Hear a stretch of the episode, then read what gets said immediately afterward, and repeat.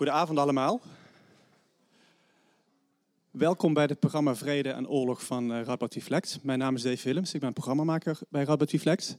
En ik ben uh, verheugd dat we vandaag Jonathan Holslag te gast hebben.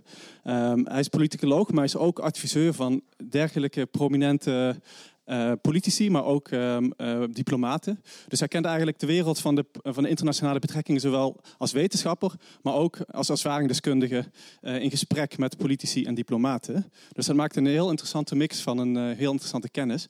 Um, Jonathan Holslag is um, hoogleraar internationale betrekkingen aan de Universiteit in Brussel.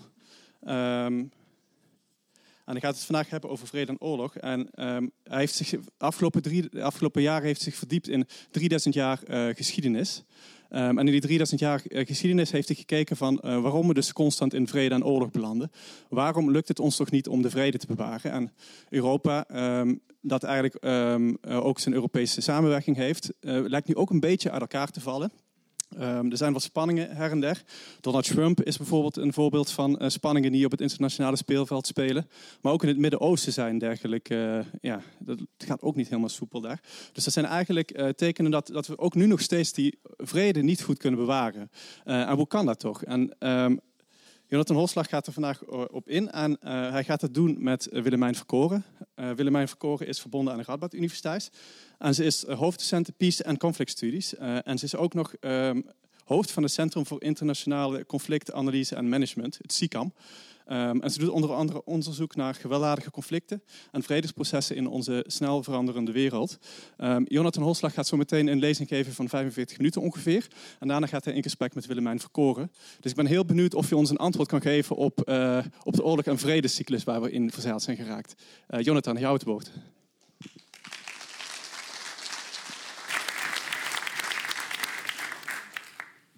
Dankjewel voor uh, deze ruime inleiding. Nu kan ik eigenlijk uh, alle kanten uit. uh, dat heeft altijd een voordeel voor, voor sprekers. Nu, laten we misschien eerst heel even kort toelichten waar komt dat vandaan. Hè? De nogal grote ambitie om een, een boekje te schrijven over 3000 jaar internationale politiek, oorlog en vrede. Uh, eigenlijk uh, komt het voor niet zozeer uit ambitie, maar wel praktische noodzaak. Ik geef namelijk les aan onze universiteit in Brussel, uh, aan de bachelorstudenten onder meer. en ik geef daar het vak geschiedenis van de internationale politiek. En dat is een vak met een titel die ik erfde van mijn voorganger, die dat overigens voortreffelijk deed. Uh, maar het viel me toch wel op dat uh, in uh, de geschiedenis van de internationale politiek, zoals we die tot dan toe doseerden en zoals we die nog altijd vaak doseerden, het perspectief nogal redelijk Europacentrisch was. We komen natuurlijk in een wereld waarin andere grote spelers hun plek opeisen. China, India bijvoorbeeld, maar ook Rusland opnieuw. En ik dacht dan, goed, als die jongens en meisjes die hier nu studeren, dan later misschien als diplomaat, als ambassadeur of ambassadrice ooit de degens moeten kruisen met een uh, Chinese of Iraanse evenknieën, dat het dan wel interessant ook is om te weten waar die spelers vandaan komen, wat hun strategische cultuur um, uh, typeert, wat hun bezorgdheden zijn, wat hun geopolitieke oriëntatie um, is. En dan ga je natuurlijk de markt op en je kijkt een beetje rond en je vraagt ook af welke boeken, boeken zijn er. Uh, maar dat bleek nogal beperkt te zijn ook, en dat was een tweede bezorgdheid omdat als je kijkt naar heel veel van de uh, werken over de geschiedenis van de internationale politiek, dat doorgaans ofwel heel veel aandacht is voor de evolutie van internationale organisaties, hè, eigenlijk van, van de eerste vredesverdragen tot de Verenigde Naties, uh, ofwel, zoals bijvoorbeeld Paul Kennedy zijn werk, heel veel nadruk over de machtsbalans. Hè. Hoe komt het dat de macht verschuift van land tot land? Uh, en dan begin je natuurlijk uh, op een gegeven moment je eigen ideeën wat te ordenen, wat te lezen hier en daar, wat te studeren hier en daar. En dan komen er wat ideeën tot rijping en begin je aan je eigen boekprojectje. Um, ik vind als je internationale politiek doseert en de geschiedenis van de internationale politiek, dat het heel belangrijk is dat je studenten blootstelt aan de geschiedenis. Want wat gebeurt er vaak uh, aan de universiteit? Dat is dat we geschiedenis een beetje naar de zijlijn uh, verschuiven. En dat we dan plotseling en redelijk snel uh, de theorieën van de internationale politiek ter sprake beginnen brengen. Het realisme bijvoorbeeld, dat voorschrijft dat landen de machtsbalans in de gaten moeten houden en dat eh, de nationale belangen primeren, of het liberalisme dat voorschrijft dat handel een stukje ehm, de weg kan effenen voor, eh, voor politieke samenwerking en voor een meer vreedzame wereld. En dan zie je doorgaans dat als je die dingen heel snel naar voren schuift, je een beetje de geit aan de paal effect krijgt. En wat bedoel ik met het de geit aan de paal effect? Uh, namelijk dat studenten zich gaan vastklampen aan een theorie of aan een ideologie en dan rondjes gaan lopen uh, rond die theorie of ideologie en vooral argumenten gaan zoeken om dat te, te bevestigen, terwijl vaak ze niet echt weten waar die theorie vandaan komt. Dat realisme, waar komt dat vandaan? Waar, waar, waar zocht bijvoorbeeld Machiavelli zijn inspiratie? Realisme is dat iets typisch Europees. Hetzelfde voor liberalisme. Met andere woorden, als je standpunt inneemt over een politieke filosofie, een theorie of ook een ideologie, is het wel heel erg nuttig om te weten wat de achtergrond is. En dan liefst ook eh, een aantal ehm, verschillende geografische dimensies. Dus wat ik eigenlijk met het boekje wilde aanbieden, is een beetje een reconstructie van de jungle die de wereldgeschiedenis is. Minder één duidelijk afgeleid argument dat je dan doorontwikkelt tot het einde, maar een aantal verhaallijnen die afhankelijk van de regio's door elkaar uh, heen lopen en waarin eigenlijk um, de lezers, en vooral in mijn geval de, de, de studenten, een beetje gaandeweg zelf op zoek kunnen van verschillende benaderingen wat kunnen, kunnen proeven van verschillende landen en regio's wat kunnen, kunnen ontdekken. En dus het werk is eigenlijk een beetje een reconstructie van de wildernis. Hè. Mijn aanvankelijke titel, maar die vond de uitgever wat te lang, was dan ook The Wilderness of the World. Hè. Iets wat ik uit uh, de Mahabharata had, had gehaald, een uitspraak van de koning Aldaar. Goed, laten we de presentatie aanvatten. Uh, met een wat hedendaagse aanloop, want ik denk wel dat, zoals uh, onze inleider het zo mooi uh, aangaf, een aantal van de vragen die gesteld worden in het boek vandaag ook wel weer helaas aan, aan de orde zijn. En dat het een beetje lijkt alsof de pendule van het vooruitgangsoptimisme en de idee ook dat de globalisering hè, zou leiden tot een platte wereld, hè, de flat world, zoals Friedman dat uh, uitdrukte, een beetje aan het terugslingeren is. van uh, de globalisering en, en, en het optimisme over openheid, opnieuw naar fragmentatie en nationalisme, de, de realpolitiek, het, realisme uh, als het ware. En dat komt natuurlijk als een een toch wel um, onsentimenteel ontwaken hè, na um, de beelden zoals we hier zien. De jaren negentig, de, de barsten die verschenen in het uh, bastion van het autoritarisme zijnde de Sovjet, uh, Sovjet-Unie. En op dat moment ook politici die naar voren stapten als, met het argument dat um, samenwerking en handel en openheid en democratisering eh, de enige mogelijke koers waren voor, eh, voor landen eh, overal in de wereld. Dus wat we eigenlijk nu een beetje zien, is van muur tot muur. van de muur die valt naar opnieuw muren die worden opgetrokken. Ja, en dan krap je natuurlijk wel even in het haar en vraag je je af: oké, wat betekent dit nu allemaal? Is dit een kortstondige terugkeer naar de machtspolitiek? Een beetje een een, een, een oprisping als het ware van oude gedachten en oud nationalisme? Of is de kans um, wel degelijk bestaande dat de pendule opnieuw doorslingert in de richting van meer conflict en machtspolitiek?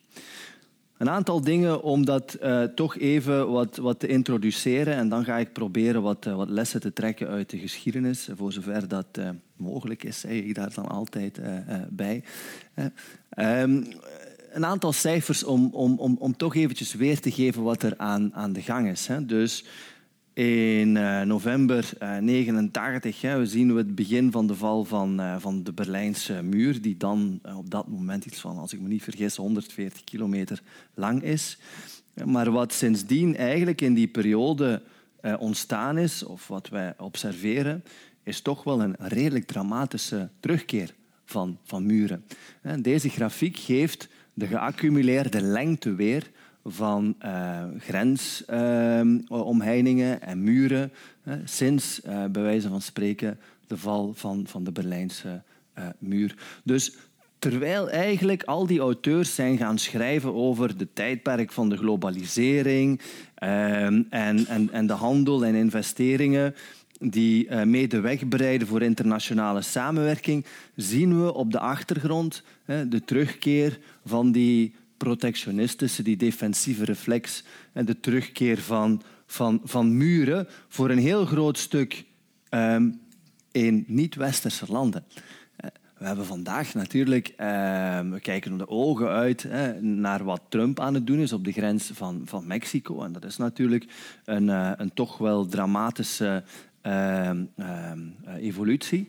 Um, maar de meeste muren eigenlijk die we hier zien en de meeste barrières die worden opgetrokken langs geen grenzen in deze grafiek zijn eigenlijk voornamelijk barrières in, in, in, in, in Oost-Azië, Zuidoost-Azië uh, en, en in Afrika.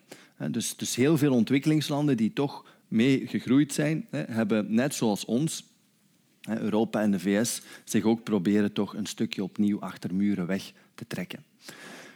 Um, tijd hè, is die goederenhandel of de handel toekoer um, ehm, zich blijven uh, uh, doorontwikkelen. Maar wat we zien ook hier, de laatste jaren toch een flinke dip. En dus die lineaire curve waar we bijna van uitgingen van globalisering, die tot in de hemel zou reiken, die is stilgevallen. Met zelfs een aantal jaren, en ik denk dat dit toch wel een terechte opmerking is, van op economisch vlak deglobalisering. Een regressie als het ware van, uh, van, van de handel. Wat we ook zien, uh, en dat vind ik een hele belangrijke, uh, is een toename van het aantal gewapende conflicten in de wereld. Lange tijd zagen we een gestage afname, lichtjes, van het aantal conflicten, zeker na de piek van burgeroorlogen in Afrika in de jaren 90. We zien nu dat er opnieuw meer gewapende conflicten zijn, actieve gewapende conflicten, met daarnaast ook natuurlijk een hele grote hoop andere spanningshaarden. Zoals in de Zuid-Chinese Zee bijvoorbeeld, tussen India en Pakistan. En ga zo maar uh, door. Dat is denk ik toch ook een hele belangrijke grafiek hè, om in het achterhoofd te houden, die toch al van in het begin een beetje die idee contesteert dat als we maar gaan handel drijven, en dat als we maar uh, diplomatie gaan beoefenen en dialogen gaan opzetten, dat, dat, dat dan de vrede wel verder uh, bevorderd uh, wordt. Eh, ik denk dat, dat, tegen, dat, deze cijfers dat toch wel voor een stuk nuanceren. Dit lijkt me is ook een hele belangrijke. Hier heb je het aantal vluchtelingen of forcibly displaced people, lichtjes andere definitie, ehm, wereldwijd in miljoenen. Eh, en dan zie je toch echt wel de flinke, flinke bult. Um, typerend is dat als je zelfs de Balkancrisis of de Joegoslavië-oorlogen van de jaren 90 daarin meeneemt, die toch al een flinke vluchtelingen-exodus uh, met zich meebrachten, dat wat we nu zien verschijnen uit uh, het Midden-Oosten en Afrika, maar vooral het Midden-Oosten nog altijd, toch wel in zijn omvang enorm groot is. Met dan ook bijkomend dat wat we zien hè, dit piekje eigenlijk nog maar het tipje van de ijsberg is. Hè. Dat ehm, uh, we, een flink stuk mensen ontheemd zien, die ofwel nog altijd niet gedocumenteerd uh, zijn, ofwel die uh, genieten van statuten, zodat ze niet in deze cijfers worden opgenomen. Vooral een flink stuk van de um, internally displaced people, die hier niet altijd in zijn opgenomen, maar waarvan Afrika er ook nog eens eh, miljoenen eh, extra eh, heeft. Ook dit grafiekje, denk ik, is wel interessant. omwille van twee redenen. Weer omdat de blauwe curve, die de index van de economische globalisering, economische globalisering is, bevestigt dat we zijn stilgevallen en een beetje deglobaliseerd. Je zet wat andere dingen in als kapitaalstromen en investeringen ook. Maar vind ik minstens even intrigerend dat we ook zien dat de toename van globalisering, eigenlijk economische globalisering, eigenlijk maar heeft geleid tot een relatief beperkte toename van het aantal mensen in democratie. Ook dat was een belangrijke veronderstelling. Als we de grenzen openen voor handel, dan zullen de grenzen zich ook openen voor politieke ideeën en krijg je geleidelijk aan democratisering. Hier heb je um, één curve die het aantal landen um, weergeeft die democratisch zijn. Uh, en dan een andere curve, de stippenlijntjes onderaan, uh, het aantal mensen of het aandeel van de wereldbevolking dat leeft in een, uh, in een liberale democratie. Dat is altijd een minderheid geweest en, en gebleven. dat is eigenlijk weinig toegenomen in die hoogtijdagen van de globalisering. Maar je ziet opnieuw hier die knik naar beneden. En dat heeft natuurlijk veel te maken met het feit dat landen die in de jaren negentig zijn beginnen flirten met democratie, zijn teruggevallen in ofwel iets hybride, iets dat het midden houdt tussen uh, democratie en, dictatuur, ofwel zijn hervallen tot bijna volledige dictatuur. En dan denk je voornamelijk aan aan, aan, landen als, als, Rusland, waar dat de democratie uh, nu bijna compleet is, is uit, uitgehold.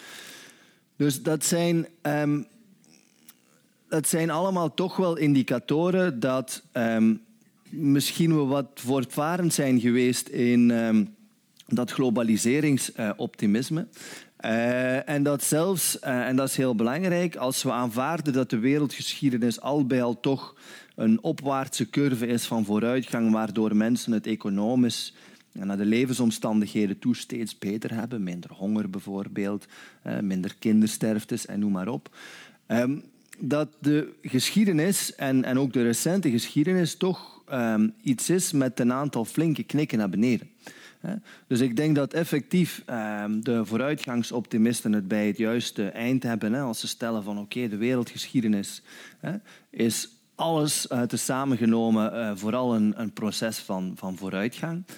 Maar dat je doorgaans toch wel flinke, flinke dipjes hebt uh, in, dat, in dat proces. Ehm, wat maakt natuurlijk dat het af en toe wat moeilijk is om de realiteit vandaag te rijmen met, met, met bijna euforische uh, werken als dat van, uh, van Steven Pinker.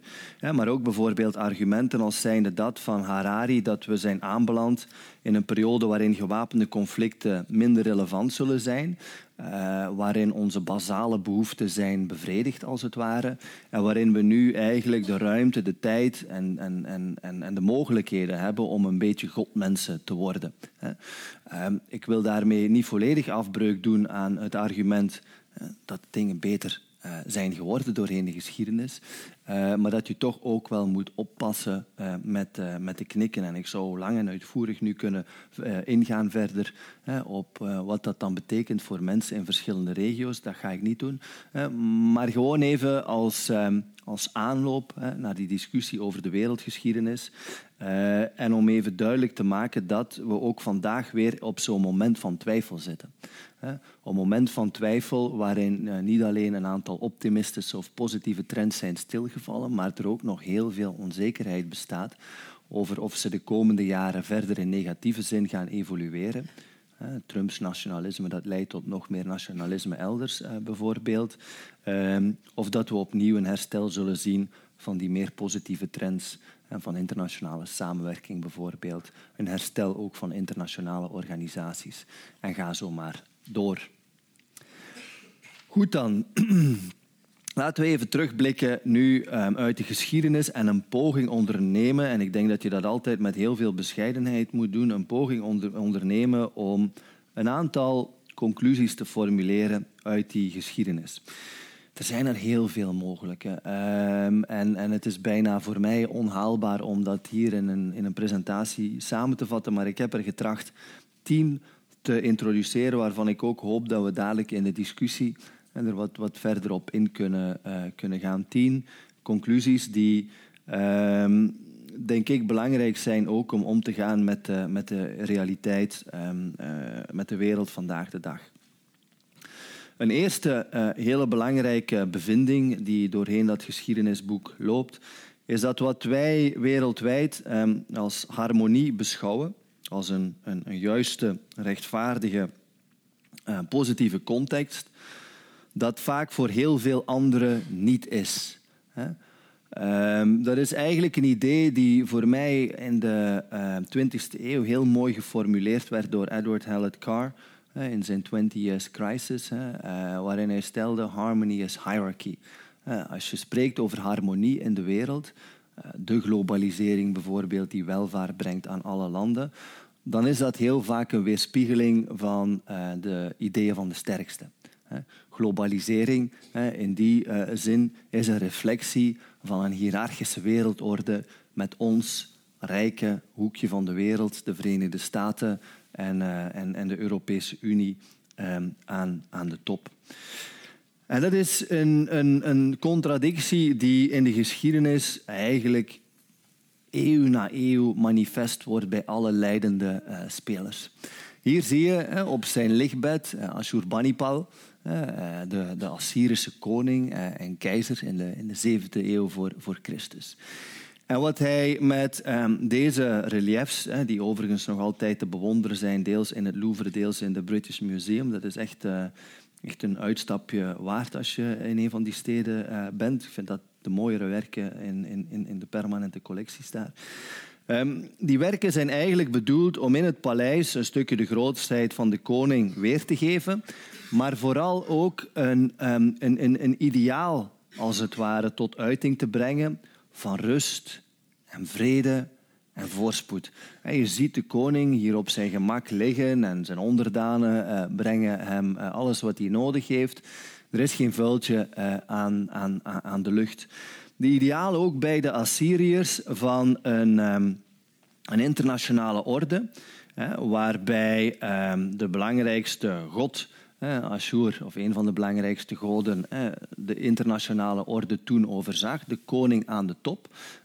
En dan um, de koning in zijn ommuurde kasteel of, of, uh, of, of, fort eigenlijk, want dat was het, met heel veel groene tuinen, hè, die dan leeft in een plek die eigenlijk een beetje het aardsparadijs is. En rond het aardsparadijs hè, heb je dan de vakmannen en de arbeiders die in diensten komen uh, um, aanleveren, die op een hele uh, voorspoedige manier ook hun, hun bestaan kunnen uitbouwen. Daar rond had je dan de, um, het, het, Assyrische Rijk zelf. En dan daarbuiten had je um, de gebieden in, in, in de periferie die wat uh, roeriger waren en wat we vandaag uh, de barbaren zouden, zouden noemen. Dus eigenlijk een, een, idealisering van, van harmonie en vrede en de druifjes groeien, de, de, de palmen um, groeien weelderig. Maar toch één klein detail. Ik weet niet of het al is opgevallen. Dat is een, een, een hoofd. Dus dat is het hoofd van uh, eigenlijk de rivaal uh, die hij dan zo even uh, letterlijk een kopje kleiner heeft gemaakt. Hè, van Matilou. een van de kleine koningen die in, in de gebergten in het noorden van Mesopotamië, ten noorden van Mesopotamië, vandaag de dag net Ehm, in de Koerdische gebieden als het ware, probeerde weerstand te bieden. En, en, dat is heel mooi eigenlijk, omdat het treffend die spagaat tussen um, de ideaal van harmonie, die dan een hiërarchie is onder de koning, en anderzijds het feit dat dat toch wel wat um, verschillend gepercipieerd werd door naburige volkeren, uh, mooi, mooi weergeeft. Wat de harmonie was en een rechtvaardige orde onder God, voor... Uh, hier uh, Ashurbanipal was dat niet noodzakelijk voor uh, de naburige volkeren. De harmonie van Ashurbanipal betekende uitbuiting, onevenwichtige economische relaties, permanente vrees voor militaire uh, agressie bijvoorbeeld en ook de zeer vernederende um, gewoonte dat als je als koning um, leefde in de schaduw van de Assyriërs, je minstens een dochter uh, uh, moest um, afvaardigen om met die Assyrische koning te, te huwen. dus alles van die harmonie in de, tijd van de Assyriërs was een reflectie van de sterkte en van de macht, waardoor ook van zodra die naburige Ehm, landen uh, de kans kregen om, om, om, om de macht te contesteren, uh, ze dat ook, uh, ook deden. We zien datzelfde patroon overal elders in de wereld opduiken. Hier bijvoorbeeld heb je een, een, een, een heel mooie schildering van de jonge keizer met dan de tribuutbrengers. En je ziet hoe klein het mannetje is, is weergegeven. Het zegt het allemaal. Uh, ook voor de Chinezen was het zo dat uh, er een, een, sprake was van een keizerlijke harmonie, waarbij de keizer alles onder de hemel hè, uh, verenigde en met het hemelsmandaat voorspoed bracht aan zijn eigen mensen. Ervoor zorgde dat de landbouw goede oogsten voortbracht, bijvoorbeeld dat irrigatiewerken mooi in stand werden, werden, werden gehouden.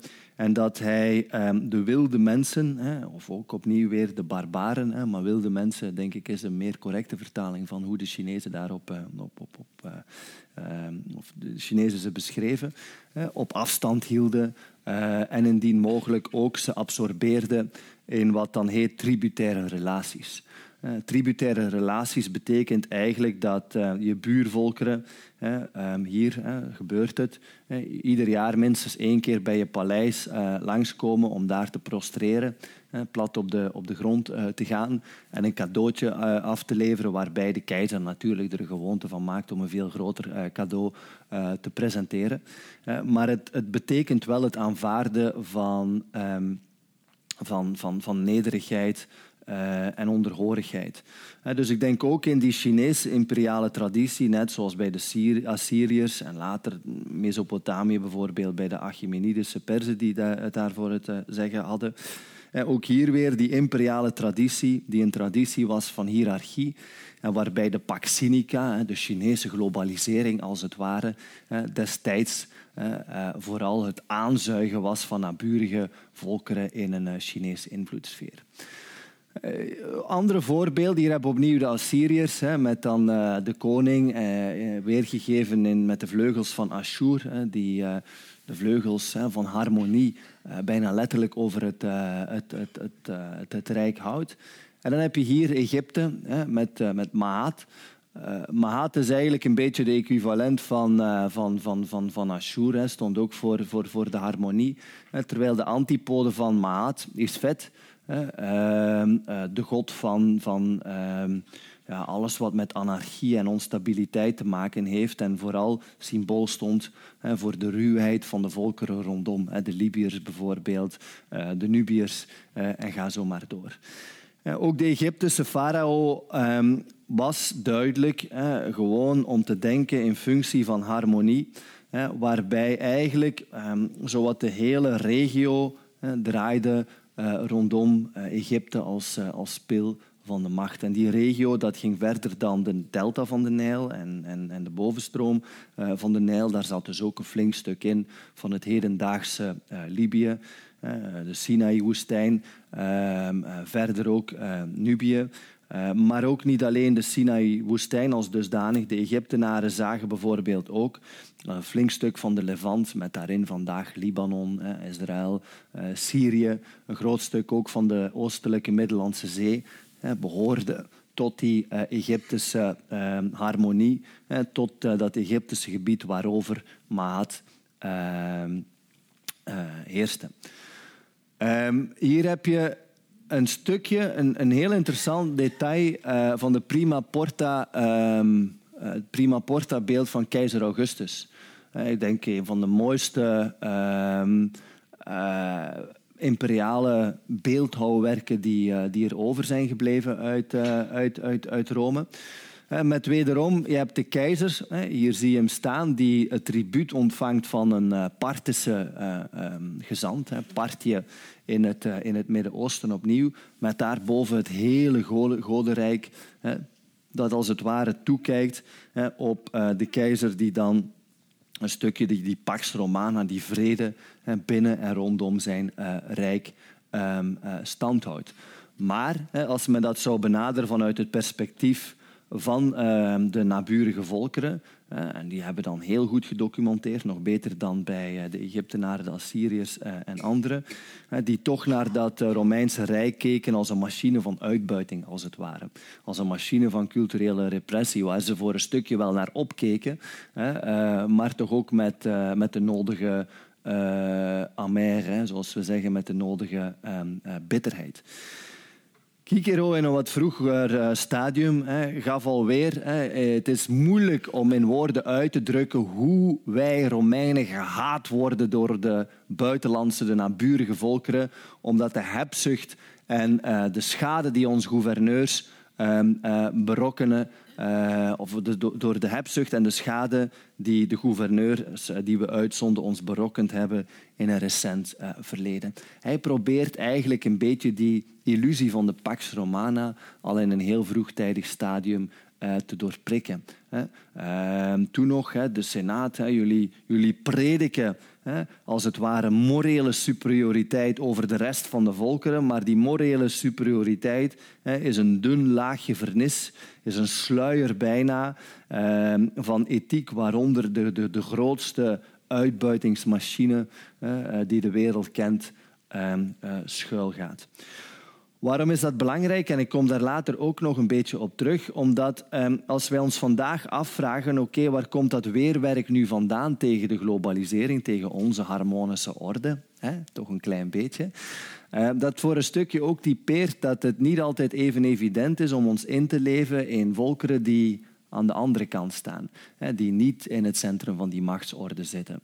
Denk maar bijvoorbeeld aan, ehm, wat zullen we zeggen, China, ehm, voor wie de globalisering een opportuniteit was, zeer zeker, maar wel een opportuniteit niet om de globalisering zomaar te aanvaarden, maar om die internationale orde te gaan aanvechten.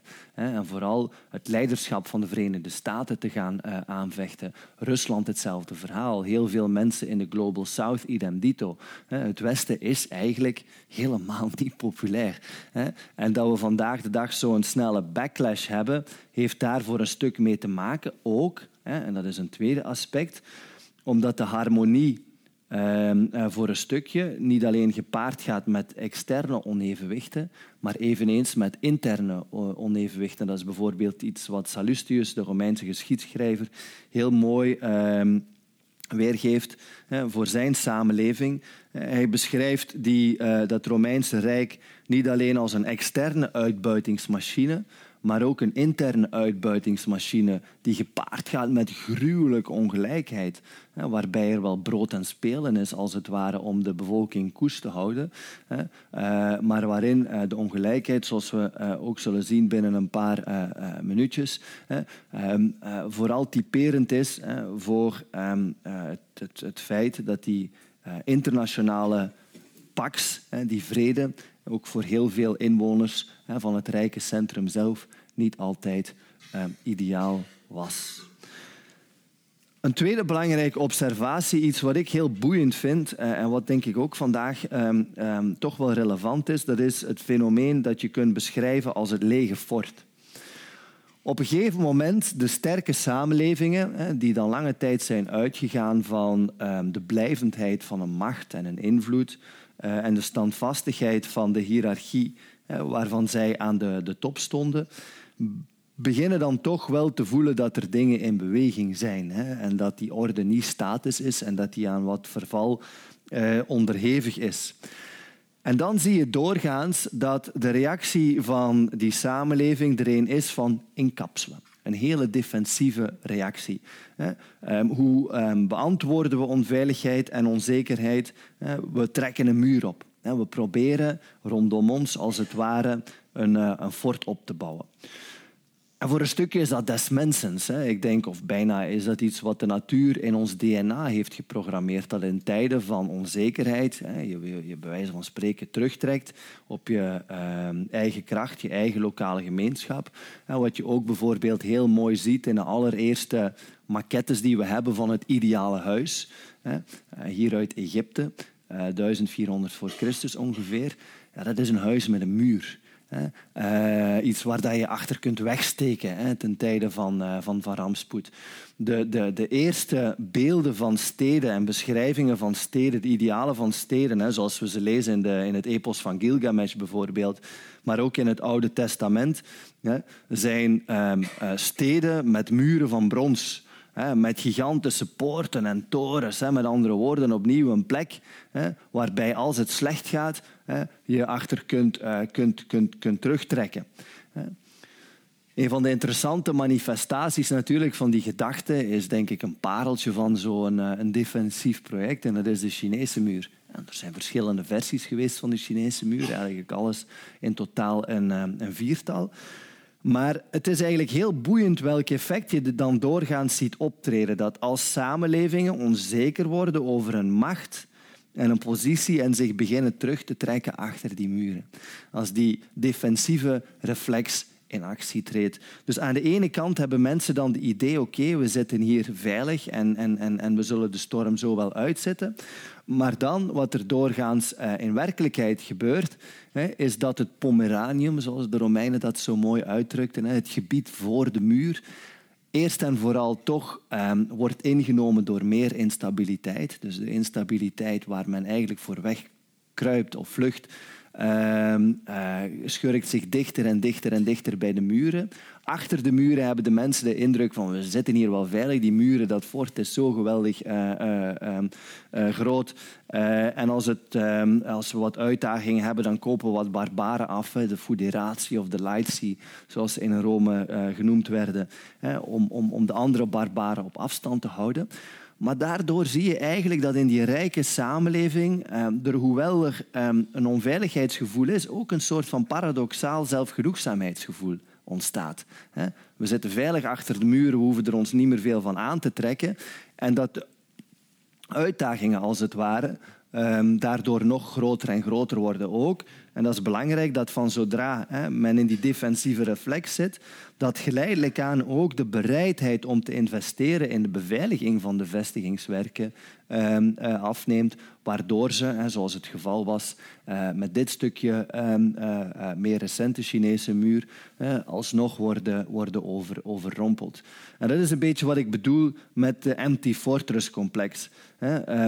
We hebben de neiging om ons in geval van onveiligheid even terug te trekken achter muren, achter grenzen, achter draad, achter wat dan ook. Maar achter die draad proberen we dan toch nog altijd zo lang mogelijk ons dagdagelijkse leventje hè, voor te zetten, te doen alsof er niks aan de hand is, zonder de problemen hè, buiten de muur uh, in de fundamenten uh, aan te pakken, waardoor ze vaak alleen maar uh, groter worden. Hier heb je zo een van die hele mooie citaten van, uh, van Sallustius, een van mijn, uh, van mijn favoriete uh, Romeinse schrijver, die, die dat een beetje weergeeft, die dynamiek voor het Romeinse Rijk. Dus eerst, zei hij, stond onze samenleving echt op scherp om zijn macht en zijn positie bij te houden. Maar dan, hier heel mooi uitgedrukt, de, de, wat, hoe zegt hij dat? Fortune began, began to turn savage. Rijk, welvaart, maar dan begonnen we er een beetje roekeloos uh, op, uh, op, op, op, los um, uh, te leven. En we dachten wel dat we in ons imperiaal centrum heel veilig waren achter de limes met de legioenen. Maar geleidelijk aan werden we voortvarend. En zo zou hij verder schrijven. Werd de hele boel uiteindelijk onverdedigbaar en werden we onder de voet ehm, ge, ge, gelopen. Wat het ook eh, met zich meebrengt eh, voor heel veel ehm, denkers over de macht. En heus niet alleen in het Westen. Hier heb ik een heel mooi voorbeeldje van de Rota Fortunae, Italiaans 15e eeuw. Maar je ziet hetzelfde eigenlijk in alle beschavingen terugkomen. Dat, dat, dat, dat wiel van de voorspoed of van het geluk. Dat die ehm, tendens om zich terug terug te trekken en dan een gezapig leventje proberen voor te zetten, iets is van alle tijden en ook dat het onvermijdelijk is. Je ziet het hier heel mooi ehm, eh, weergegeven. Je klimt door hard werk eh, en dan bovenaan de piek eh, is dan een, een, een periode van uh, van, van, van, van, van welvaart, ook diensten, dienstigheid bijvoorbeeld. En dan gaat het naar beneden. Probeer je vast te houden aan die macht, weg te kruipen achter je, je, je, je, je militaire uh, fortificaties. Maar desalniettemin ga je, uh, ga, je, ga je naar beneden. Hoe komt dat? Um, er zijn drie belangrijke aspecten die dan samengaan met um, dat lege forte syndroom. Eén, en ik heb er al naar verwezen, is onrechtvaardigheid. Het feit dat je achter de muren probeert een samenlevingsmodel overeind te houden dat helemaal niet rechtvaardig is, waardoor dat begint te fragmenteren uh, en geleidelijk aan verder, uh, verder verzwakken. Met hele mooie voorbeeldjes van bijvoorbeeld Xiao Guo, de ehm, oude Chinese geschiedschrijver, die het heeft over de gigantische ongelijkheid. Toen Wan Mang, die ehm, revolteerde ook tegen, tegen de Chinese handkeizer. De rijken hadden honden en paarden en, en meer graan en, en, en, en, en groenten dan ze konden eten. De armen hadden bij wijze van spreken uh, helemaal niks. En dat wordt ook in de Chinese annalen stevast uh, beschreven als iets wat um, uh, de val van zo'n samenleving, van zo'n dynastie, heel erg be bespoedigt. Derde aspect, of sorry, tweede aspect is, is decadentie. Um, en, en die decadentie is iets wat je bij heel veel filosofen over de macht of dat nu Kautilya uh, in India is, Sun in, uh, in, in China of, of, of Machiavelli uh, bij ons, als een cruciale factor in het overleven en de veiligheid en de opkomst en de val van, van staten. Um, en heel vaak lees je dan ook dat een, een, rijke samenleving zich een stukje gaat terugplooien, maar dan toch ook probeert die wereld te blijven exploiteren. En dat is iets wat Plinius de Oudere heel mooi schrijft over de uh, verstandhouding en de economische betrekkingen tussen Rome, het imperiale Rome en de rest van de wereld. Wat Plinius een stukje schrijft in zijn werk, we zijn als samenleving aan het verzwakken, maar wat we wel doen is, we blijven maar grabbelen. Ehm, eh, luxe producten, voornamelijk hier uit Azië, die ons 100 miljoen sestertien eh, per jaar eh, kosten. Dus aan de ene kant zitten we in een defensief, maar we blijven wel maar in de wereld grabbelen en dat maakt ons nog veel kwetsbaarder. Derde puntje, ook heel belangrijk uh, in dat syndroom van het lege fort, is arrogantie.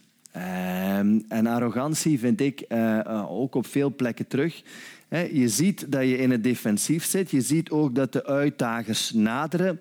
Maar in plaats van daar op een empathische, doordachte manier mee om te gaan, ofwel negeer je het, ofwel doe je smalend, ofwel, excuseer, minimaliseer je het. Ammianus schrijft dat heel mooi beschrijft dat heel mooi uh, voor wat betreft het moment dat de Goten, die later een stukje Rome onder de voet zullen, uh, zullen lopen, voor het eerst aankomen uh, in, uh, in de stad en eigenlijk smeken om ergens een klein plekje te krijgen omdat ze door andere barbaren, andere volkeren in het nauw gedreven worden, waarbij de Romeinen eigenlijk ze, althans volgens Ammianus, volledig uitlachen, maar het wel dus de Goten zijn die later door de straten van Rome mee zullen, zullen, zullen, zullen wandelen. Voilà, um, dat is een tweede puntje. Een, een derde puntje um, die ik ook heel interessant vind uh, in, uh, in de geschiedenis van de internationale politiek is het belang van staten en spelers in de marge. Hè, fringe powers noem ik ze in het, uh, in het Engels. Um, doorgaans, hè, op het moment dat de rijken en de grote staten zich machtig en ongenaakbaar voelen, zie je doorgaans al uh, de kiemen van dat verzet en van de weerstand en van de coming clash. Uh, voor bijvoorbeeld heel veel van de Mesopotamische rijken um, zie je dat heel mooi gebeuren vanuit, um, vanuit Perzië. Als je bijvoorbeeld kijkt naar uh, het verval van het Assyrische Rijk en dan het Medische Rijk en de opkomst van, um, van, van de Achaemenidische Perzen, die hier ergens, ik weet nu niet precies in welke vallei, eh, ik kan het niet, niet exact aanduiden, maar in het Zagrosgebergte lange tijd de kans zagen om beetje bij beetje de macht op te bouwen, zichzelf ook te verrijken uit de enorme behoeften ehm, die ehm, eh, de rijken, de dynastieën in de Twee Stromenvallei hadden. En door die rijkdom dan ook geleidelijk aan militaire macht op te bouwen. En als het moment dan was aangebroken, vanuit um, hun um, redelijk geïsoleerde plek tot dan toe um, uh, begonnen aan de expansie. En je dus eigenlijk ziet dat David uh, Goliath verslaat en dat een lilliputterstaatje, nou, want in, in, manschappen bijvoorbeeld stelden ze nog altijd niet zo heel veel voor, toch dan uh, uh, vooral gebruikmakend van de zwakte van die hele grote spelers het overwicht behaalt. Idem in China. In China, de grote keizerrijken hadden doorgaans deze vruchtbare vlakte hè, tussen de twee stromen als een, een machtsbasis. Uh, of, of, de plek waar dat ze hun macht vooral uitbouwden, maar waar ze overwegend vandaan kwamen, waren eigenlijk perifere gebieden de, de valleien van, um, van tribuutrivieren, uh, waarin zij, net zoals bijvoorbeeld Achaemenide, uh, lange tijd rustige macht konden uitbouwen. Dat was zo voor de Qin bijvoorbeeld, dat was zo voor de Han uh, en, en, en voor heel veel andere Chinese dynastieën. En heel boeiend is dat heel veel van de dynastieën die vandaag Chinees zijn, eigenlijk aanvankelijk barbaars waren. Dat waren dus een stukje perifere uh, regio's die niet behoorden tot um, uh, het oorspronkelijke hartland. Hè. Zelfs de grote Chinese denkers als Sun waren barbaren hè, vanuit dat opzicht. Dat waren Sun was een adviseur van een Wu-keizer, van die, of de Wu-koning, een van die fringe, fringe powers, van die marchespelers, die dan achteraf wel doorstoten tot de macht in het, um, in het, in het, in het centrum. Um, en heel vaak die uh, transities hè, van fringe powers zijn ook dingen die gepaard gaan uh, met um, niet alleen de militaire verovering, maar ook die massamigratie. Dus je hebt dan een klein staatje dat begint, hè, dat eerst de zwaktes van de grote spelers begint te onderzoeken, daar gebruik van, van maakt en, en, en de, de contestatie, de strijd begint. En dan heb je andere uh, die, die volgen. Hè. Ik denk waar dat je dat bijvoorbeeld ook mooi ziet, hè, is bij de barbaren en het Romeinse Rijk opnieuw. Hè. Zoals Ambrosius dat zo mooi schreef. De ene gooide zich op de andere. En zo kreeg je als het ware een, uh, een, een domino. De denk ik, is bekender nu. Hè? Uh, toch degene die zich met internationale politiek wat bezighouden, de valkuil van Thucydides. Hè? Uh, de valkuil van Thucydides, heel mooi uh, beschreven denk ik in het boek van Graham Allison, gaat eigenlijk over dit ene zinnetje. In, in, dat hele prachtige werk van, van, van de Griekse schrijver. Wat de oorlog on, onkomelijk maakte, was de opmars van China, sorry, van Athene. Excuus. Graham Allison heeft het natuurlijk vooral over China en de VS vandaag. Uh, was de opkomst van uh, Athene, die angst inboezemde in Sparta. Met andere woorden, een van de fenomenen recurrent in de wereldgeschiedenis is dat als je een opkomende macht hebt die de um, status quo-macht gaat, gaat aanvechten, dan heb je boel zoals we zeggen in, uh, in, op zijn Vlaams, dan heb je een probleem. Hè. Uh, heb je een typische machtstransitie en de meeste machtstransities uh, leiden tot conflict. Vijf, en dat is denk ik een hele lastige voor de militairen vooral. In de internationale politiek is het vaak niet zo gemakkelijk om een lijn te trekken tussen offensieve en defensieve bedoelingen. vaak proberen we uh, landen weg te zetten van die is agressief, die is defensief. Maar dat is niet zo heel gemakkelijk. Om te beginnen de intenties van mogendheden evolueren. En wat je doorgaans hebt in de machtstransitie is dat landen um, of opkomende spelers behoorlijk defensief beginnen, zich terugplooien, zoals we zagen als fringe powers in een vallei. Maar als ze beginnen groeien, ook meer en meer assertief ehm, ehm, eh, worden. En in een typisch uh, imperiaal traject, als ze dan echt doorstoten naar de top, dan geleidelijk aan hun, ehm, laten we zeggen, combatieve uh, strategie verruilen voor strategieën van harmonie en vrijhandel en openheid. En als ze dan opnieuw naar beneden beginnen gaan, opnieuw uh, toevlucht zoeken tot meer defensieve doctrines. Denk maar aan Donald Trump uh, vandaag uh, de dag. Um, het ding daarbij is wel um, dat als je doorgaans landen ziet doorstoten tot de top, en zeker in, in, met, een, met een internationale um, uitstraling, dat macht bijna altijd arrogantie kweekt. Als landen macht hebben, gebruiken ze hem. Van zo, zolang landen nog altijd niet echt zeker zijn of ze met die macht ook volledig um, uh, voluit kunnen gaan, zullen ze zich inhouden. Maar als de weerstand weg is, dan merk je doorgaans dat intenties en ook het denken over de internationale politiek toch flink verandert. Dus wat vandaag vreedzaam en benign of, of, of goedwillend is, um, kan dat morgen uh, helemaal uh, anders zijn. Uh, ik ga um, een beetje voort, want ik uh, ben al over, over tijd. Uh, er zijn zoveel interessante dingen om bij stil te, staan. Um, zesde puntje, handel brengt geen vrede. heeft het nooit gedaan. Als er handel eigenlijk is, dan is de reflex van landen niet zozeer om er zich aan over te geven, maar om de handel te controleren. En dat is denk ik heel belangrijk. Uh, een van de eerste voorbeeldjes die, ik in het boek beschrijf is Ugarit. Uh, een van de handelsstaten of stadstaten die proberen ook een soort van economische oorlogvoering te doen met de kleinere buren, maar ook met in dit geval Assyrië. jouw handelaars zullen niet naar Assyrië gaan. Dus eigenlijk een eerste vorm van, van embargo als het ware. Hier ook op de Oxusrivier. Hè, uh, het Calafort, dit is iets recenter, maar dat, het is eigenlijk ehm, gebouwd op uh, de, de funderingen van een, uh, een, een, een, veel ouder fort. waar je eigenlijk de zijderoute hebt, hè, die er een stukje passeert. Wat zie je langs heen? De zijderoute, het ene fort na het andere. Hè. En kleine koninkrijkjes die proberen hun stuk van de zijderoute uh, te bemachtigen. Die vond ik eigenlijk heel leuk. Dit is um, een beetje de uh, manier waarop de Romeinen keken uh, naar de zijderoute en de, en de Partiërs dan, hun stuk. en dit is hetgeen wat de Partiërs deden met handelaars of eigenlijk vooral economische diplomaten van China en, en Rome. Ehm, die rechtstreeks handel wilden drijven toen eigenlijk al. Wat de partiërs deden was de uh, handelaars uh, of de gezanten terugsturen met eigenlijk een fabeltje. Die reis is zo lang en Rome is zo ver. Hij gaat omkomen van de eenzaamheid en de zee is heel breed. Dus ga maar terug. Met andere woorden, wij blijven die handel liever, uh, liever controleren. Wij monopoliseren die handel liever. Ook de Chinese belangstelling voor de controle van de zijderoute. Hier zie je heel mooi dat kaartje van de tang met, uh, met de slurf die eigenlijk uh, erop gericht was om de handel te controleren.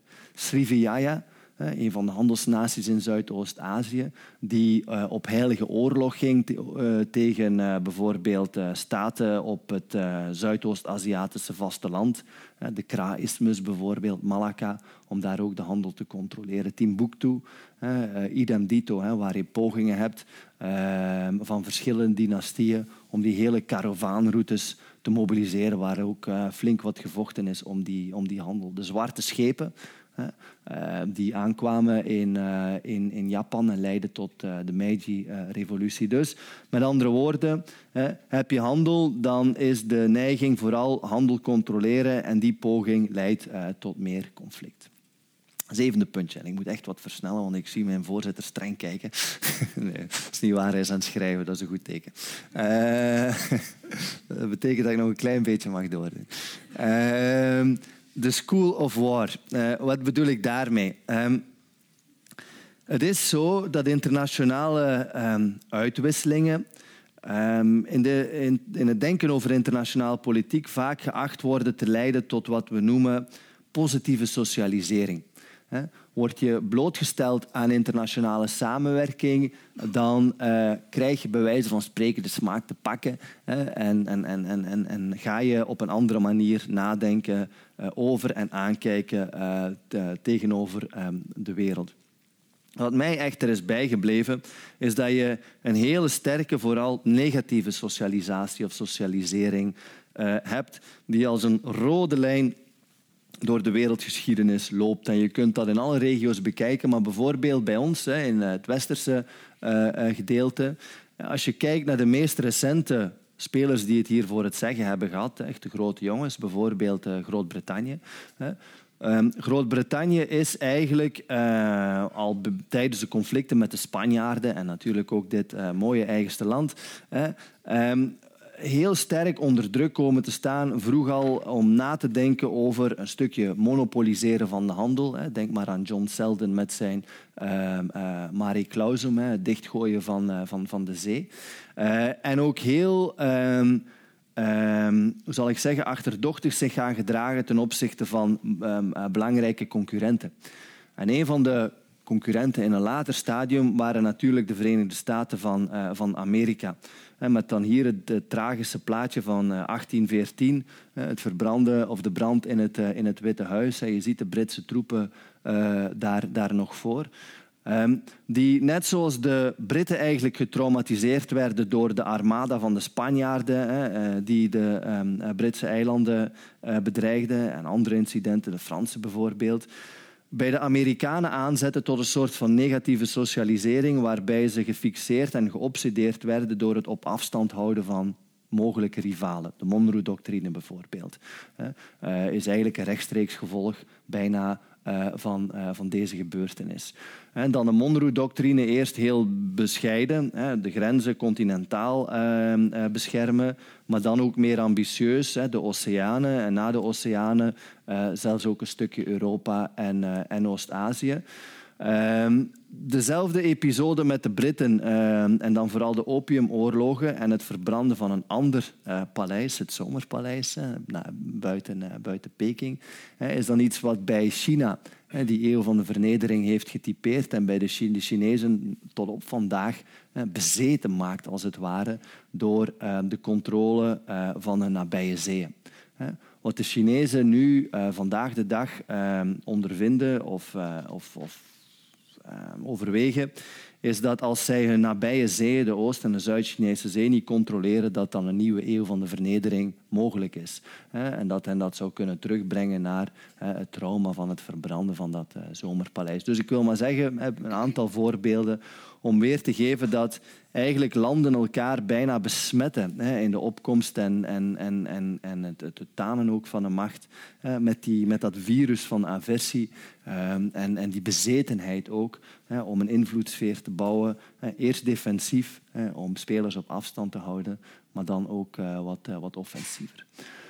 Belang van militaire innovatie in internationale politiek en vooral in uh, het kenteren van die machtsbalans. Er zijn er een aantal die ik in het boek beschrijf. De Bronze Age collapse, hè, um, voor 1000 voor Christus. Overgang van brons op ijzer die eigenlijk de hele regionale orde, vooral rond het Middellandse Zeegebied en het Midden-Oosten, hertekende. Het invoeren van de strijdwagende tortilla, die in Centraal-Amerika meer mobiliteit van de troepen toeliet, waardoor eh, ten tijde van de Olmeken men ook expeditionair kon gaan oorlog voeren. Stijgbeugel, navale machtsprojectie. En dat vandaag zou je kunnen zeggen het bewapenen van de ruimte en cyber, die denk ik evenzeer eh, militair-technologische doorbraken zijn die, eh, die de machtsbalans zullen beïnvloeden en die ook leiden tot, uh, tot nieuwe fricties. Een negende puntje is het belang van milieu en, uh, en verandering in het milieu. Er zitten heel veel voorbeelden in het boek en eigenlijk verdienen ze een spreekbeurt elk apart van hoe een samengaan van um, veranderingen in klimaat hè, met um, verzwakking van grote rijken echt bijdragen tot, tot cascades van, van geweld en onstabiliteit. Je hebt de volksverhuizingen ehm, die Rome ten einde brachten, maar diezelfde hunnen die de cascade in gang zetten, die dan in het oosten de Xiongnu genoemd werden, die lagen ook mee aan de basis van de ontwrichting van, eh, van de Han eh, een stukje de Mongoolse invasies, opnieuw naar het oosten en westen. Daar heb je niet uitsluitend, maar een hele belangrijke uh, klimaatfactor in. En zo zijn er nog veel. Hè. Klimaat, massa, migratie uh, en dan vooral verschuivingen in de machtsbalansen zijn doorgaans echt wel een giftige, een giftige cocktail. Hè. Hier heb je een ander voorbeeldje heel vroeg. De zeevolkeren. Hè. Heb je Ramesses, de Egyptische farao en de zeevolkeren die Egypte zijn binnengevallen voor een stuk ook weten we, hè, omdat in het noorden, Zwarte Zeegebied, als gevolg van een klimaatverstoring, uh, er heel veel uh, migratie naar het zuiden werd gejaagd en je opnieuw weer die domino had.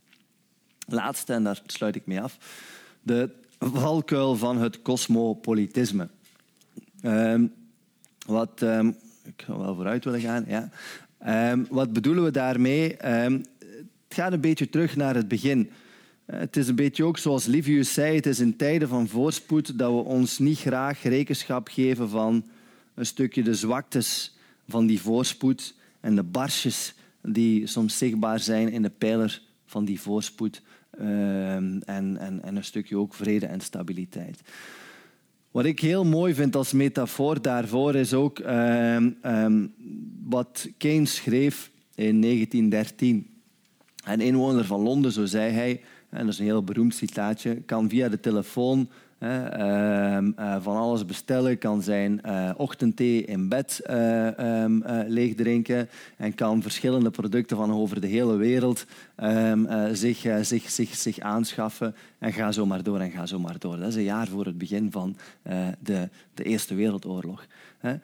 count your blessings, schrijft hij schrijft bijvoorbeeld.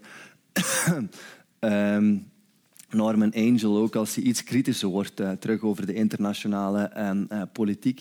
Het is heel gevaarlijk als je je voorspoed hier gaat projecteren op de rest van de wereld, hè, op, op een bredere uh, omgeving.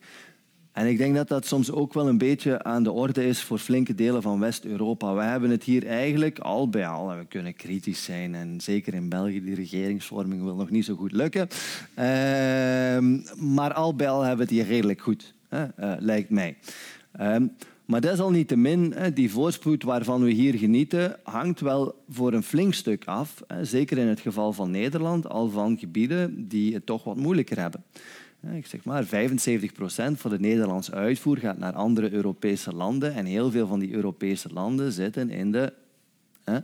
Uh, denk maar aan het Verenigd Koninkrijk, denk maar aan Italië en ga zo maar door. Dus je zit hier in je welvarend hartje van Europa, maar 11% van het Nederlands BBP is wel afhankelijk van uitvoer naar de rest van de wereld en van 11% een flink deel naar redelijk zwakke landen elders in, eh, in Europa. Die landen die dan natuurlijk ook op hun beurt blootgesteld zijn, vaak zeker in, op de zuidflank, ook op de oostflank, eh, aan grote verschuivingen in het nabuurschap. Denk maar aan die hele migratieproblematiek. Je hebt de beelden van Lesbos recent uh, onvermijdelijk zien, uh, zien, zien, zien passeren. En waarbij als je nog iets verder kijkt, de uitdagingen um, um, zeker en vast nog formidabeler zijn. Hè. De bevolkingsexplosie in moeilijke economische omstandigheden. Het probleem van radicalisering, dat we maar niet de baas krijgen, en zo verder enzovoort. Dus met andere woorden, ook hier, denk ik, is er een moment waar je mag en moet profiteren van de voorspoed, maar waar je wel alert moet blijven. En ik denk dat dat een van de grote uh, tere plekken is van Den Haag. Dat is van oké, we consumeren de welvaart uh, en we, handelen, drijven er handel op los uh, alsof er geen, uh, geen, geen, geen einde aankomt.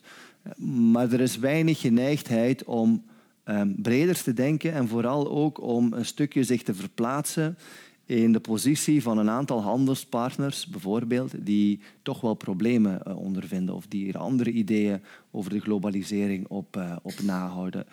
En dat is denk ik ook iets wat je doorgaans ziet terugkomen bij samenlevingen wellicht die het wat te lange tijd uh, goed hebben gehad, dat die alertheid om oog te hebben voor minder positieve verschuivingen in de wereld uh, verdwijnt. En dat is ook een van de dingetjes die ik uh, in, uh, in een bescheiden aanzet met dat boek heb toch proberen duidelijk te maken. Van blijf vooral alert. ga niet beginnen doemdenken en geniet van je voorspoed en je welvaart.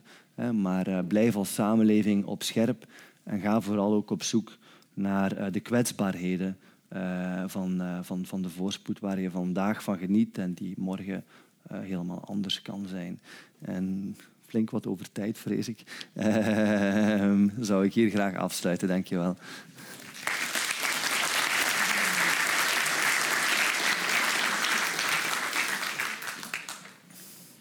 Ja. Hartelijk dank voor uw uh, indrukwekkende uh, overzicht. Het is heel knap, vind ik, hoe u zoveel geschiedenis in uh, zo'n korte tijd weet Het was niet zo korte tijd. Iets langere tijd, inderdaad.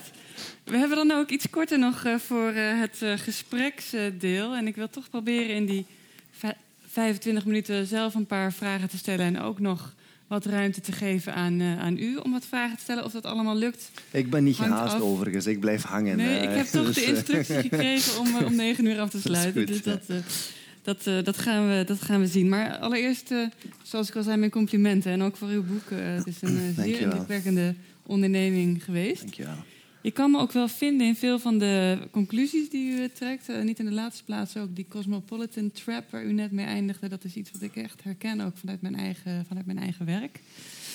Maar natuurlijk ook uh, een paar vragen.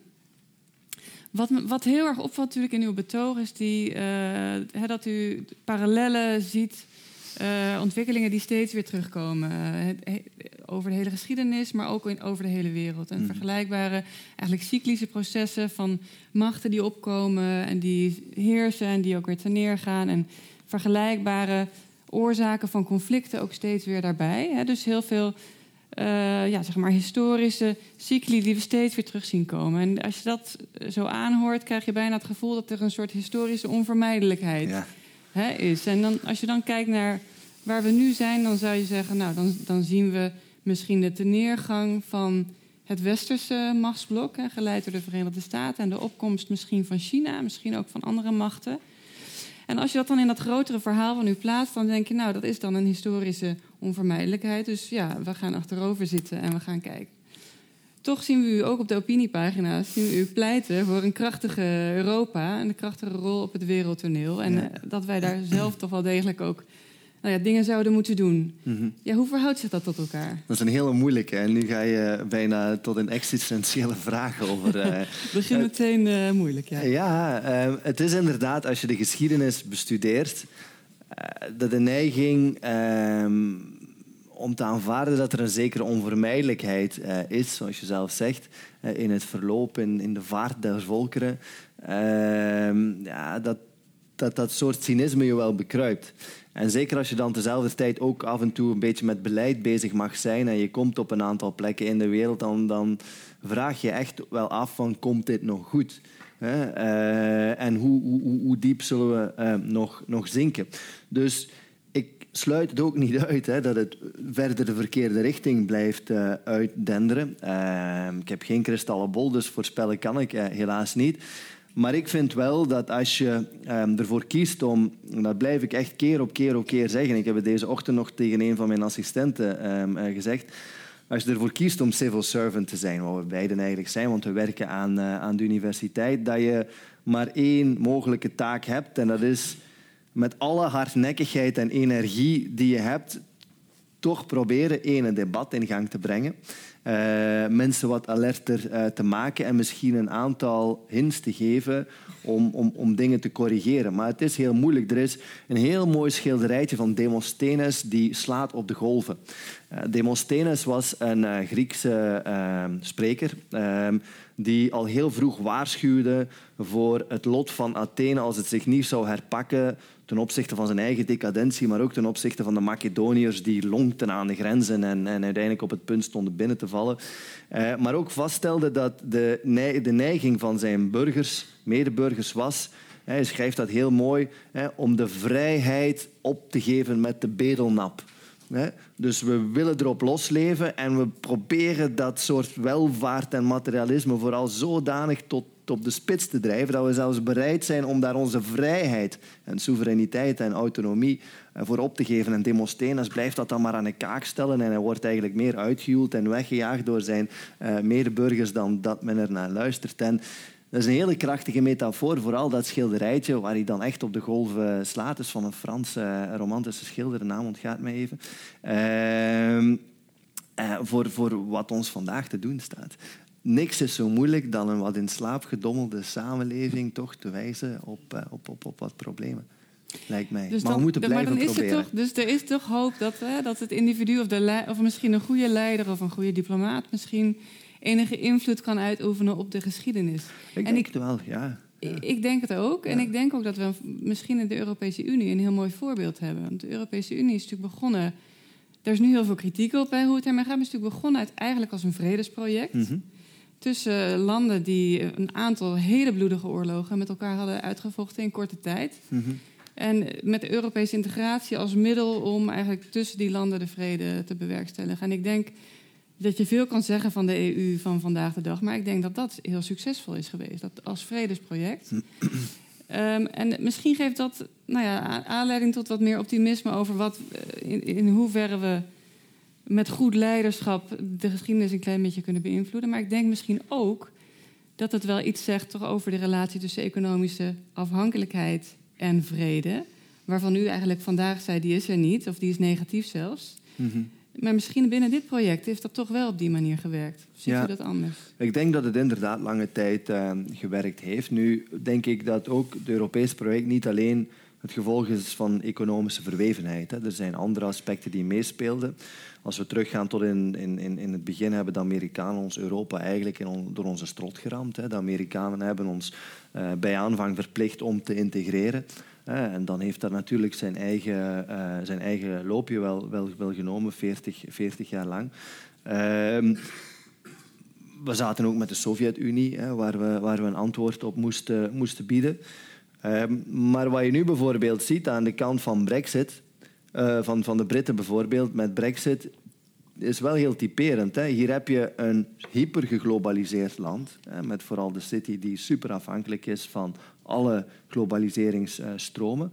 Enorm verweven ook met de Europese Unie-economen en die er dan voor kiest, sorry mensen, maar we gaan iets anders doen.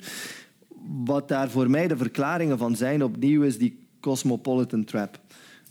Eh, de foto die ik soms gebruik als ik moet, moet praten over eh, Brexit is, ehm, is een hele mooie, waar dat je op de voorgrond de Grenfell Towers hebt, waar een van die sociale torens die is afgebrand recent, hè, met, met flink wat slachtoffers als gevolg. En dan op de achtergrond zie je de Shard. Hè, Een van die glazen megatorens waar dat dan de kapitalisten eh, grof geld aan het verdienen zijn.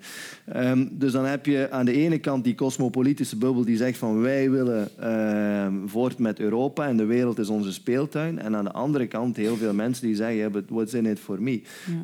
En ik denk ook zelfs dat in Nederland die frictie bestaat. Hè? Laten we daar niet blind voor zijn. Als je graag gaat naar eh, Grachtenland in Amsterdam, en ik heb hier zo een aantal jaar geleden nooit alternatieve troonrede gegeven en dat ook aange, aan, aan- aangestipt. Dat is heel vrij en vrolijk. Hè? Maar ga je naar een hoop andere buurten in Nederland, dan denk ik als je daar een peiling zou afnemen naar wat is het belang van de Europese Unie, dat je toch wel tot vreemde bevindingen zou, eh, zou komen. Dus laten we daar voorzichtig in zijn. Europa is beetje bij beetje opgebouwd, maar kan ook beetje bij beetje afbrokkelen. En ook in het boek eh, zijn er tal van liga's en, en, en, en, en regio's die redelijk ver geïntegreerd waren. Ik heb het onder andere over de Achaeische Liga in Griekenland, met een gezamenlijke munt, gezamenlijk leger, gezamenlijk parlement, gezamenlijke overheid. Maar die zijn ook stuk gelopen om interne verdeeldheid en ook dat ze externe rivalen niet gezamenlijk de baas konden. Dus ja, eh, Europa eh, is meegegroeid door die economische verwevenheid, maar je ziet die economische verwevenheid ook wel geleidelijk aan eh, onder druk komen staan met voor mij één grote vraag, wat gaan de Duitsers doen als ze verder in recessie duikelen? En tezelfde tijd binnen de eurozone meer onstabiliteit zien van bijvoorbeeld landen als Griekenland. Maar ook bijvoorbeeld, wat gaat een land als Nederland doen binnen die eurozone? Ik had het al over dat gigantische overschot op de handelsbalans. Met dan tezelfde tijd hier ja, eh, mensen die zeggen van de centrale bank mag de geldkraan niet opendraaien. Dus ik wil het nog wel zien allemaal. Maar ik denk dat het niet zo eenvoudig zal worden. Ja, ik- of, of Europa eh, zo geïntegreerd blijft als het nu is, dat is natuurlijk de vraag. Maar dat er 75 jaar Absoluut, vrede is, ja. is natuurlijk op zich wel een hele grote... Een hele, maar niet uitzonderlijk. En Niet ook- uitzonderlijk. Hè, Langdurige periodes van vrede hebben we nog gezien. Hè, alle mogelijke plekken ter wereld. En, en 75 jaar is geen uitzondering. Maar zelfs die lange periodes kunnen af en toe wel tot een eind komen. Een andere vraag eh, die ik... eh, iets, iets anders wat me opviel in uw, in uw verhaal en ook in uw, in uw boek... is dat u... U bent denk ik een, u bent een internationale betrekkingen eh, hoogleraar... en u, u denkt heel erg in, in, in staten. Ehm, en in conflicten tussen staten. De opkomst van staten en van machtsblokken en de neergang daar weer van. Ehm, als ik dan bedenk dat sinds de Tweede Wereldoorlog eigenlijk de meerderheid van de oorlogen zich binnen staten eh, afspeelt, hè, burgeroorlogen zijn, dat, dan vraag ik me af in, in hoeverre zijn deze conclusies daarop van toepassing. Iets anders eh, wat ik me dan bedenk hè, bij het statelijke perspectief is van waar zit hem de rol van de gewone burger en, en, en ook bewegingen van eh, burgers. Misschien juist in deze geglobaliseerde tijd. We zijn natuurlijk nu weer in een nieuwe fase van globalisering eh, beland, waarbij heel veel uitwisseling plaatsvindt eh, via met eh, nieuwe communicatietechnologie. En we zien mondiale bewegingen ten aanzien bijvoorbeeld van het klimaat, die denk ik toch ook de wereldpolitiek mogelijk kunnen gaan beïnvloeden. dus de gewone burger, maar ook ontwikkelingen binnen staten, conflicten binnen staten. Ja, hoe past dat in uw, in uw plaatje van mhm. Staten? Er zitten flink wat burgeroorlogen in het boek. Hoor. Ehm, dat, dat, dat gezegd zijnde... Um, ik denk inderdaad dat communicatie um, een stukje leidde tot schaalvergroting in, in dat diplomatieke spel. Uh, en dat het ook een stukje initiatief geeft aan, aan, aan, aan burgers om, om dingen te doen. Maar een aantal kanttekeningen. Een eerste kanttekening is dat als je communicatie hebt, net zoals handel, dat je altijd een poging hebt van politieke entiteiten om te controleren of afschermen. En dat is iets wat ook vandaag weer aan de gang is. Je hebt de Chinezen die bijna een cordon hebben rond hun eigen internet. De Russen gaan dezelfde kant op. En dan heel veel golfstaten gaan ook, gaan ook die, die, die richting uit. Dus we zullen nog zien waar het, uh, waar het, waar het uh, toe, uh, toe leidt. Maar ik zie niet meteen dat ehm, het internet uh, echt een wereldwijde burgergemeenschap gaat mogelijk maken. Regionaal misschien wel. Uh, maar heel veel autoritaire leiders hebben een lesje uit Arabische lente bijvoorbeeld wel geleerd. Uh, als je nu ziet hoe het internet wordt platgelegd in Tunesië en in Algerije en in Egypte, van zodra dat het wat. dus, dus, dus ook daar denk ik dat er, dat er grenzen zijn. Um, was mijn andere punt? Um, een, een, een, tweede puntje is ook dat de impact van communicatie ook voor mij niet zo heel erg nieuw is in, in, in bijvoorbeeld burgerconflicten. Ik heb in het boek het voorbeeld van de Westfalenconferentie. En wat je daar hebt, is het moment dat de pamfletschrijvers uh, in, in, in, in wasdom zijn. Hè. Dat pamfletschrijvers beginnen heel goedkoop vlugschriftjes uh, af te drukken die dan mee de opinies uh, bepalen en, en, en, en de gemoederen ophitsen. En die daardoor heel erg wegen, bijvoorbeeld ook op de besluitvorming hier van de Staten-Generaal in de 30-jarige oorlog en de onderhandelingen in Duitsland. Dus we hebben dat in het verleden nog gezien, maar natuurlijk wat primitiever en minder, minder flitsend. Ik denk dat communicatie niet zozeer bepalend is, maar eerder faciliterend. Hè. Als je ook opnieuw recent Arabische, uh, Arabische lente beschouwt, wat aan de basis lag van bijvoorbeeld uh, armoede en corruptie en zo, dat is iets waar je vooral naar moet kijken. En dan de media die helpen, helpen uh, katalyseren en, en kanaliseren.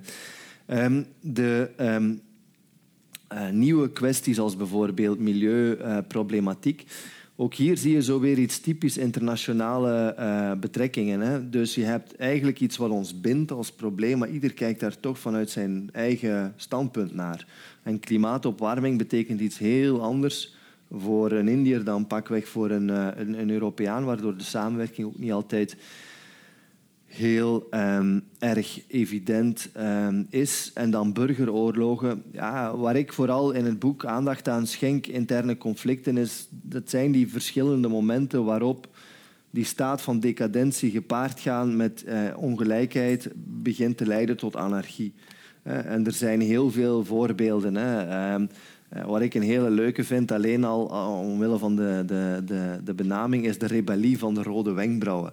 Uh, in, in, in, in, in China, wat een moment is waarop die, die ongelijkheid, de keizer die zich eigenlijk geen donder meer aantrekt van zijn boeren, leidt tot opstanden overal, boerenopstanden. En daar, daarna wordt dat dan een echte burgeroorlog. En dan verschillende facties gaan dan aanschurken tegen externe rivalen, die worden dan binnengehaald. En zo loopt het natuurlijk verkeerd af. Ook... Um, uh, de externe invloeden die op interne conflicten uh, inwerken, zijn, zijn natuurlijk ook wel altijd heel, heel boeiend om te, te bestuderen.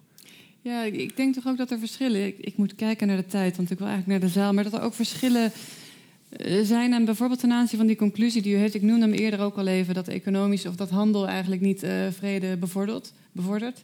Ik denk als je binnenlanden kijkt en als je naar burgeroorlogen kijkt en manieren om die ook weer te boven te komen, dat er toch wel veel te zeggen is voor een economische benadering, een economische herverdeling en, en, en onderlinge afhankelijkheid en handel als manier om vrede te bevorderen. Misschien is dat tussen staten ingewikkelder, dat legt u ook goed uit. Mhm. Maar dat zou voor burgeroorlogen misschien wel eens anders uh, kunnen zijn. Ja, maar ik ben het volledig met je eens als je pleit voor een economische dimensie voor het. Um eh, stabiliseren van landen. Ik denk, we hebben een aantal uh, ideale voorbeelden. Uh, Libië bijvoorbeeld, maar ook de hele Balkan.